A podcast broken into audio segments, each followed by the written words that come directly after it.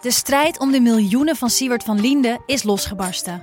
Zowel de staat als zijn stichting eisen de mondkapjeswinst terug. Maar dat die opbrengst in ieder geval niet thuis hoort bij Van Linde, daarover kan toch eigenlijk geen twijfel bestaan. Hoe kon het zo ver komen? Dit is het. We hebben beet. En als Siewert het geld teruggeeft, kunnen wij dit schandaal dan eindelijk loslaten? Je hoort het in de Mondkapjesmiljonairs, exclusief bij Podimo. Ga naar podimo.nl/slash mondkapjes.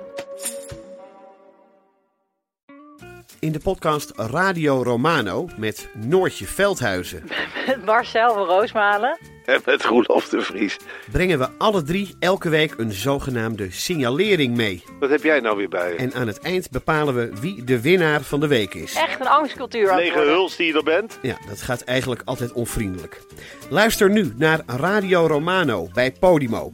Via podimo.nl slash Radio Romano luister je 30 dagen gratis. Hallo, vanaf de redactie van de Groene Amsterdammer is dit uw wekelijkse podcast. Ik ben Kees van der Bos.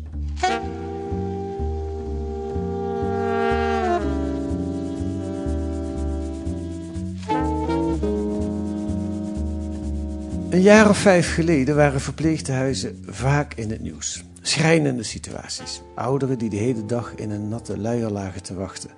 Of die s'morgens uit hun bed wilden, maar er was niemand beschikbaar om ze daarbij te helpen. Drie jaar geleden kwam corona en weer ging het vooral mis in de verpleeghuizen. De ouderenzorg werd achtergesteld bij het verdelen van mondkapjes en andere hulpmiddelen. En ouderen die mochten via het raam zwaaien naar hun familie. Velen stierven in eenzaamheid. Hoe zou het nu gaan in de verpleeghuizen? Katrien Spijkerman en Roos Menkost gingen op onderzoek en schrijven daarover deze week in De Groene. Eh, dag Katrien, dag Roos. Hallo. Hallo. Welkom in de podcast.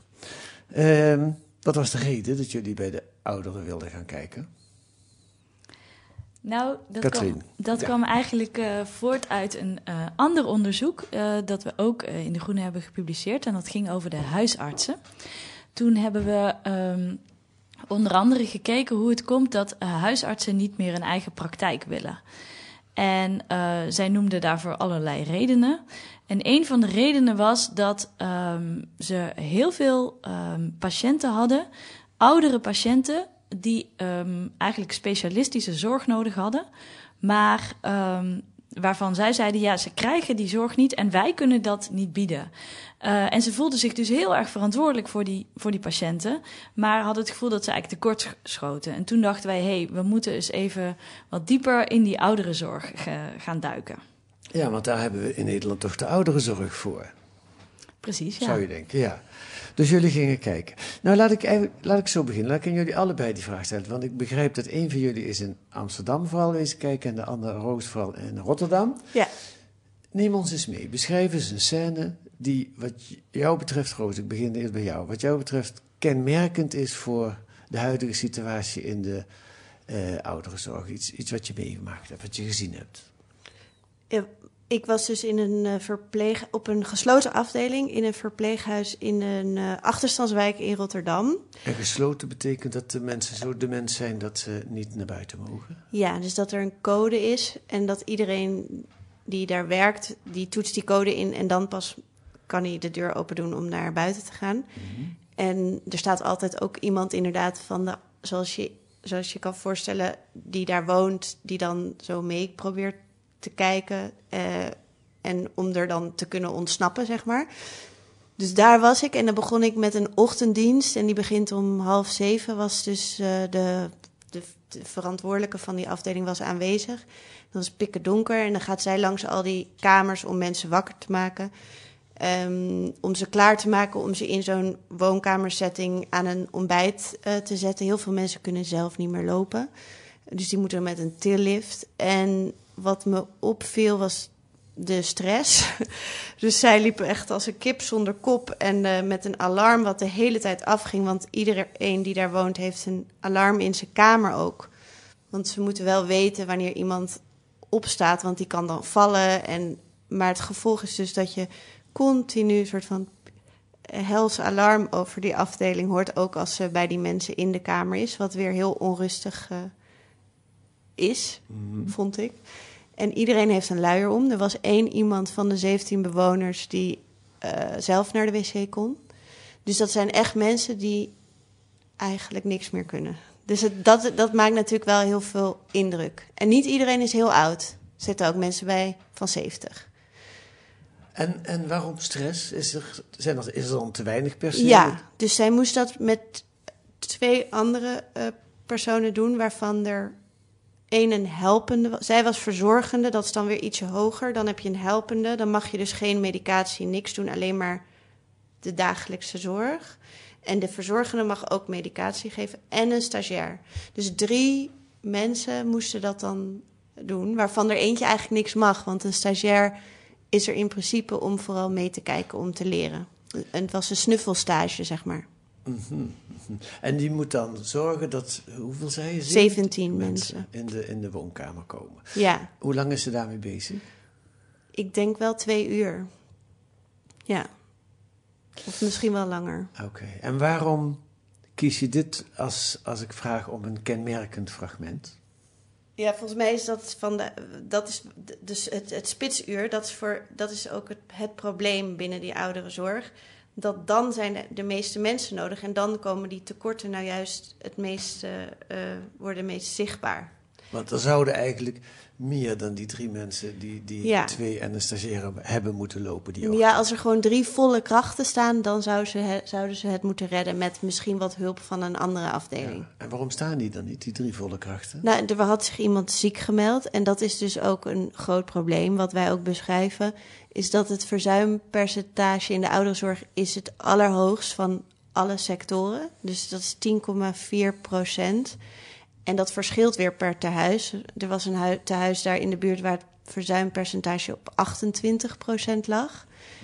En um, dus dat drukt heel erg op. En daarnaast is er gewoon een tekort omdat mensen er niet in willen werken. Ja.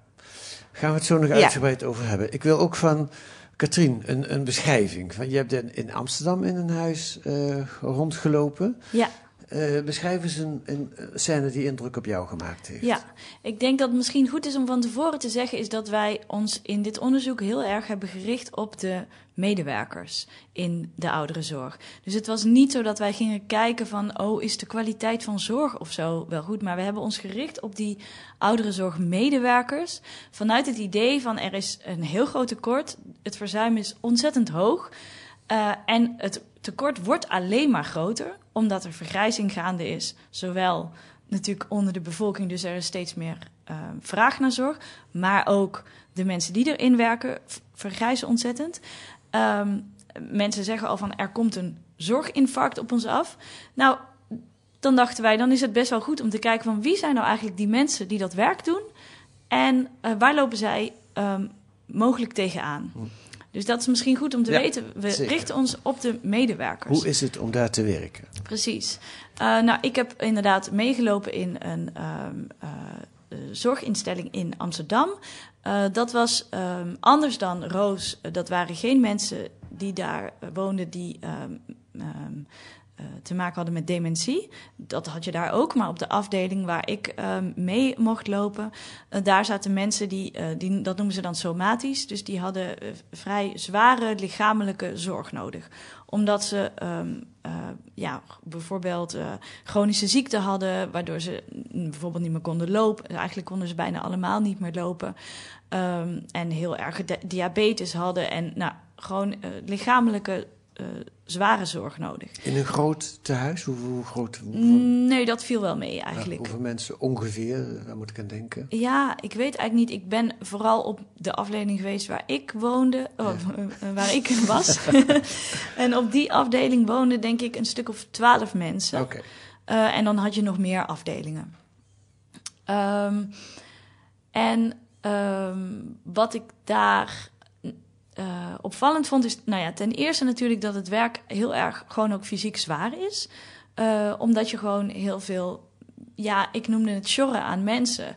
Dat mocht ik helemaal niet zo noemen, want dat klinkt heel oneerbiedig. Maar toch, uh, je ziet gewoon dat het, ja, dat is gewoon lastig. Je hebt mensen die zelf niet meer kunnen bewegen bijvoorbeeld. En die moeten wel natuurlijk gewassen worden en ehm, eh, omgedraaid worden en wonden verzorgd worden. En dat is gewoon een hoop gedoe. En dat is echt ook lichamelijk zwaar. En ik zag ook aan de mensen die daar werkten, ook waar ik was, daar, waar, daar, ehm, daar waren mensen tekort op dat moment. Dus er stonden minder mensen dan er zouden moeten staan. Ook daar. Ook daar, ja. Ehm, en ik, eh, dan kwam er bijvoorbeeld iemand en die had een heel zware blessure aan haar arm.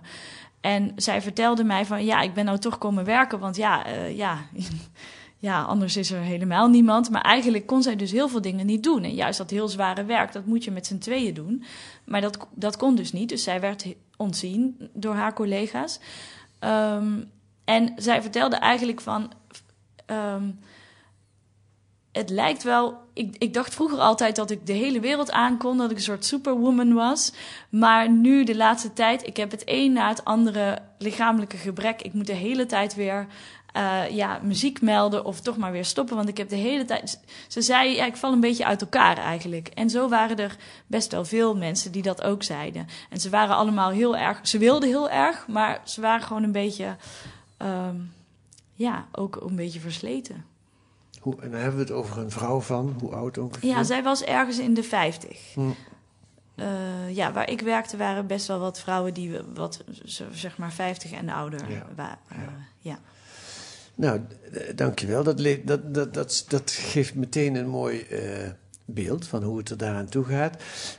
Maak ik meteen een sprong naar jullie eh, conclusies. Ik schrok wel van jullie artikel. Dus van hoe ernstig het is, hoe slecht het eigenlijk gaat met de mensen die in de ouderenzorg werken.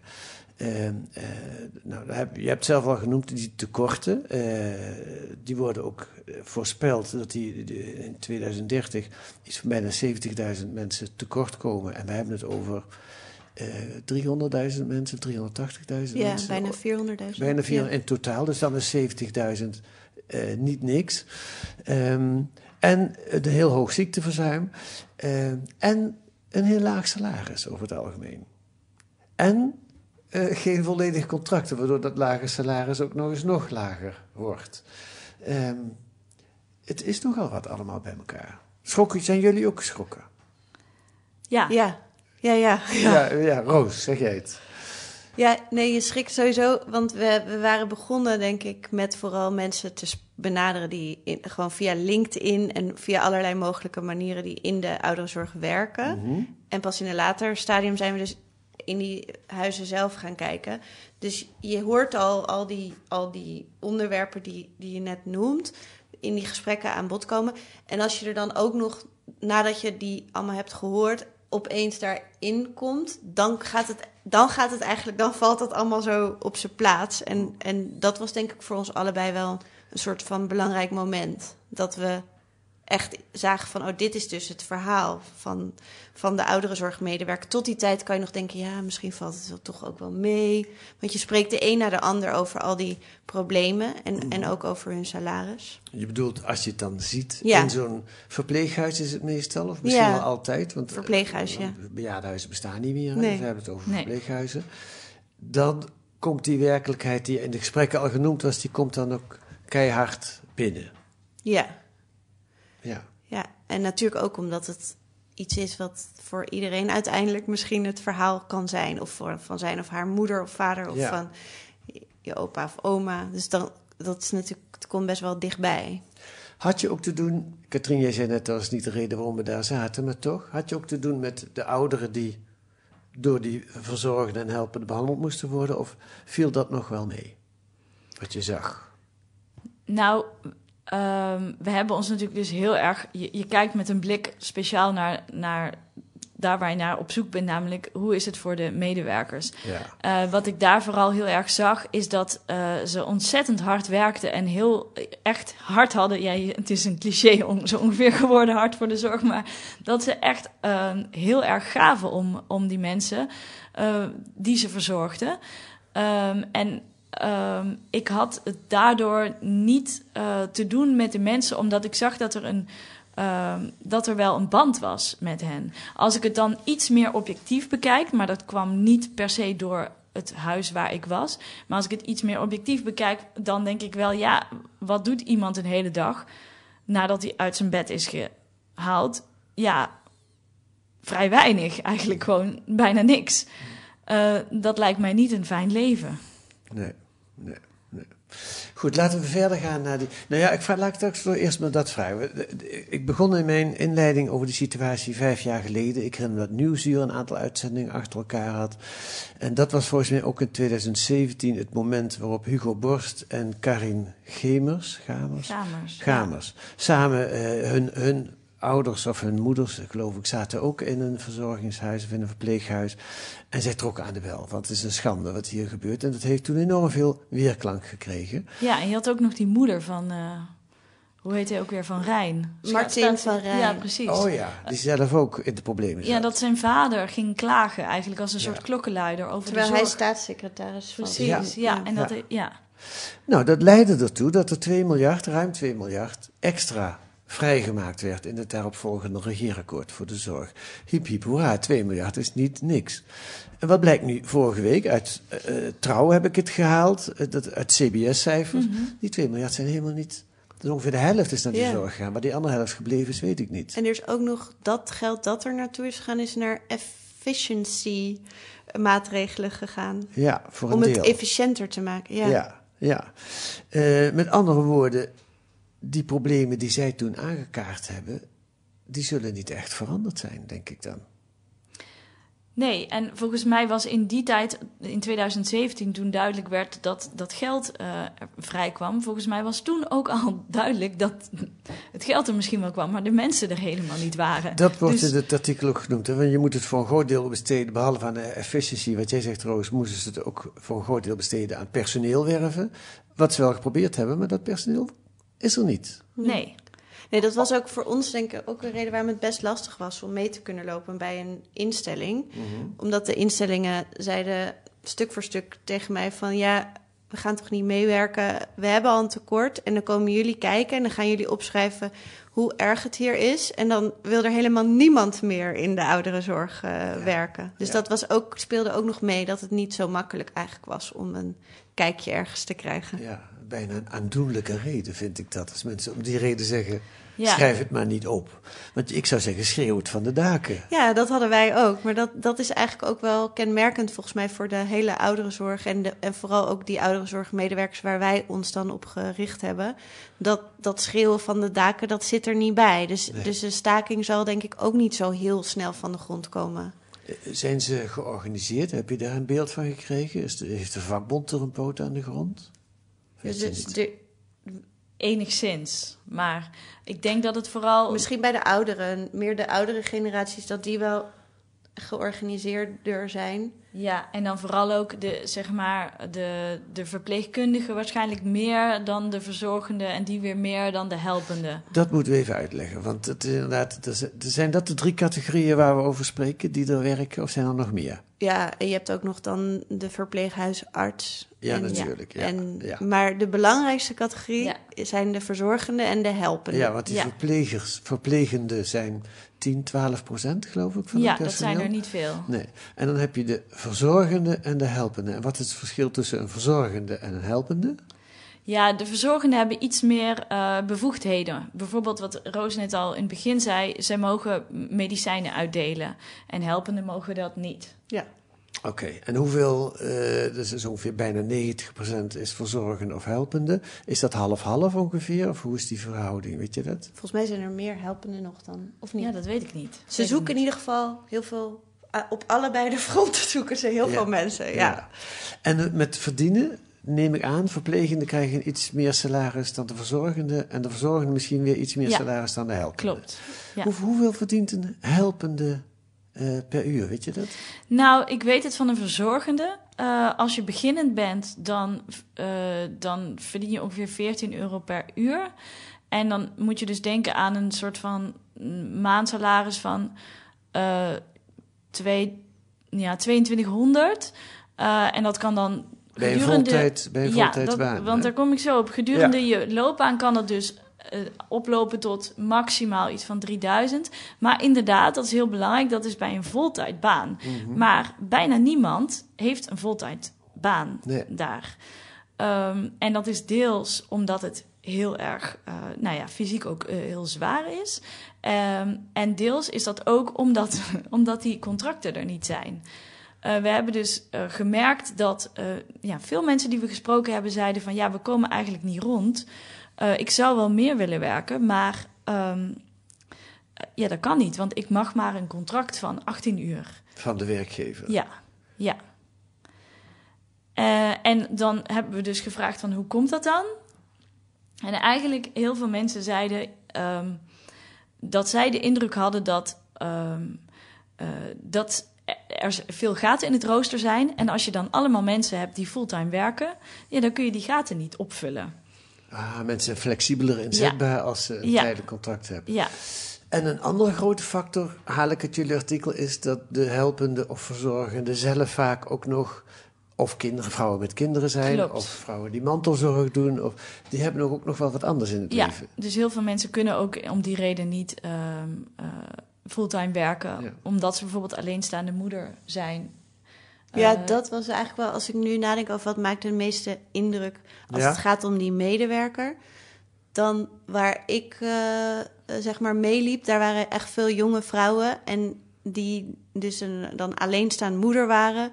En soms meerdere kinderen hadden uh, best wel veel problemen met geld. Want ze hadden dan een, een particuliere huurwoning voor 1000 euro in Rotterdam. En, en dus dan dat probleem van opvang. Want je moet nachtdiensten kunnen draaien als je, een, uh, als je in zo'n verpleeghuis werkt.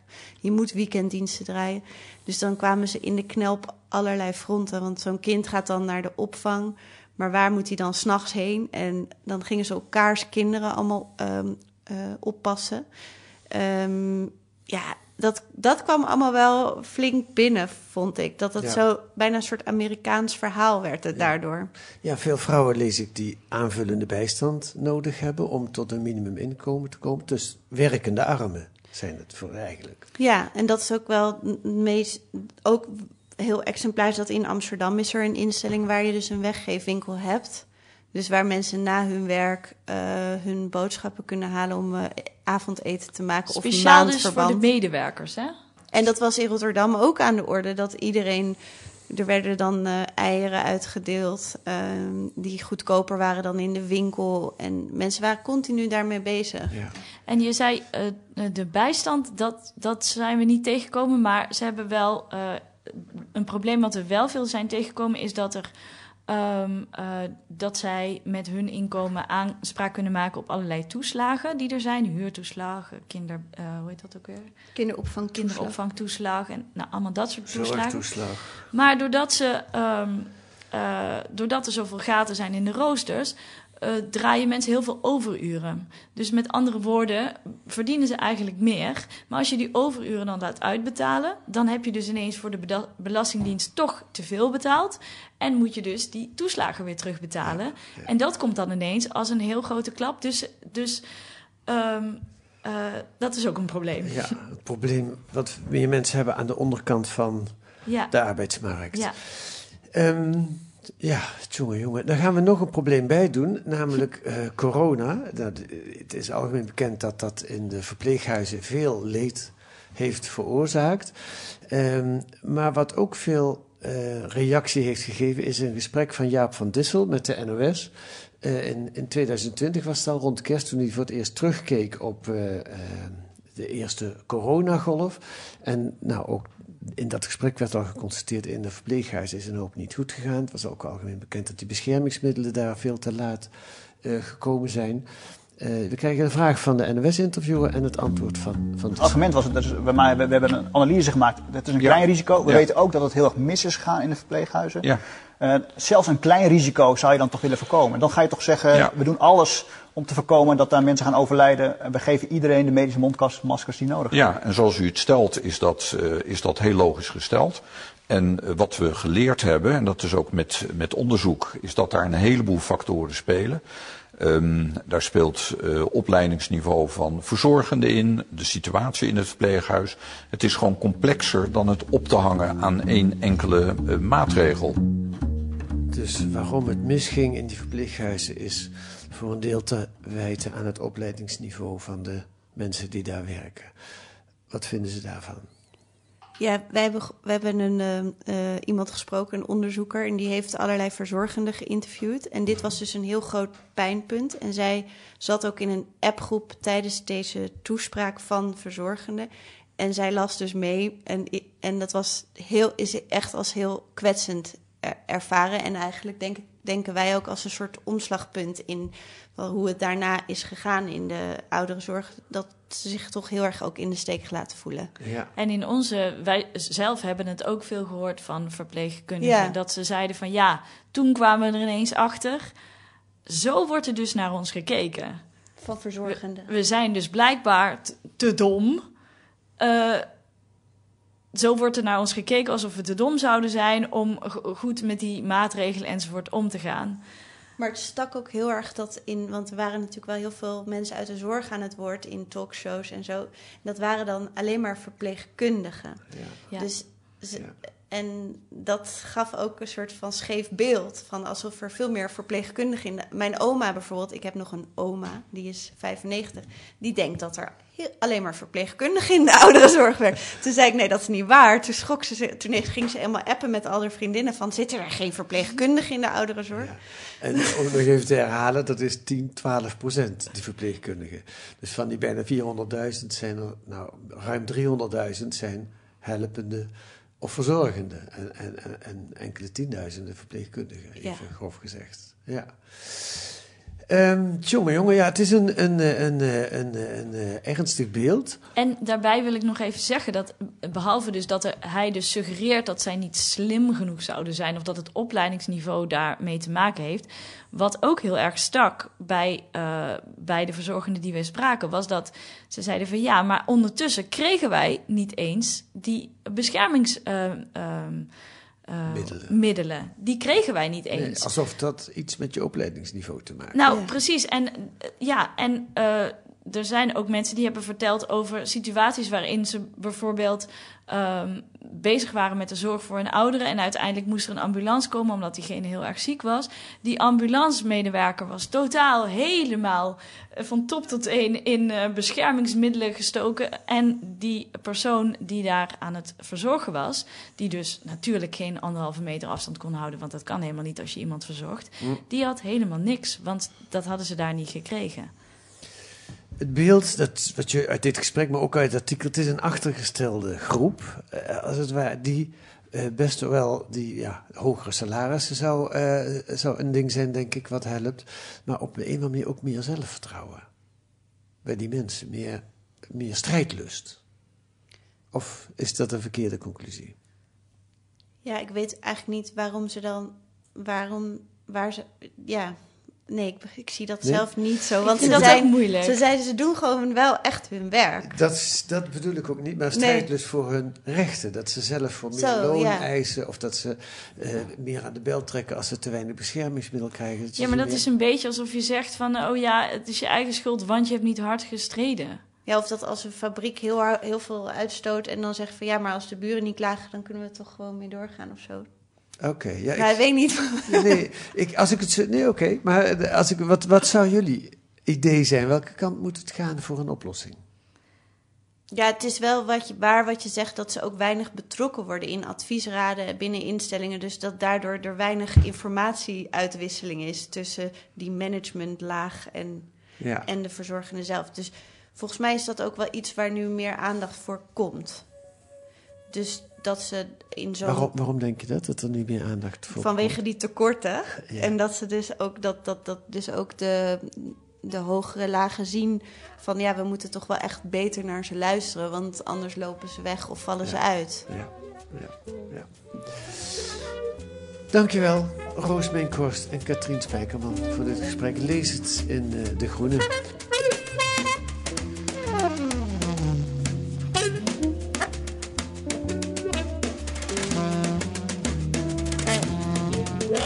Staat er meer in De Groene? Een essay van Joost de Vries over de progressieve piraat. Op basis van onder meer het postuum verschenen boek van twee jaar geleden overleden David Graeber stelt hij dat Roodbaard socialer, feministischer en verlichter was dan Diderot. Oké, en in de Boekenweek special een dubbel interview met de schrijvers Nina Polak en Peter Buwalda. Goeroes die zichzelf goeroe vinden, dat zijn geen echte goeroes, zegt Polak. En Buwalda die wil boeken lezen waarin hij via de stijl iets gewaar wordt wat hij in het echte leven niet aantreft. Lees dat allemaal en het artikel van Roos en Katrien in de Groene van deze week met een abonnement of een proefabonnement. Ga naar groene.nl, dan wordt dit allemaal uitgelegd. Wilt u reageren op de podcast, dan kan dat ook via een mail podcast.groene.nl. Volgende week zijn we er weer met analyses en achtergronden bij het nieuws in deze podcast van de Groene Amsterdammer, die deze week werd gemaakt door Elke van Leiden en Kees van der Bos. Muziek is het Tune for N van Paul van Kemenade. Tot volgende week.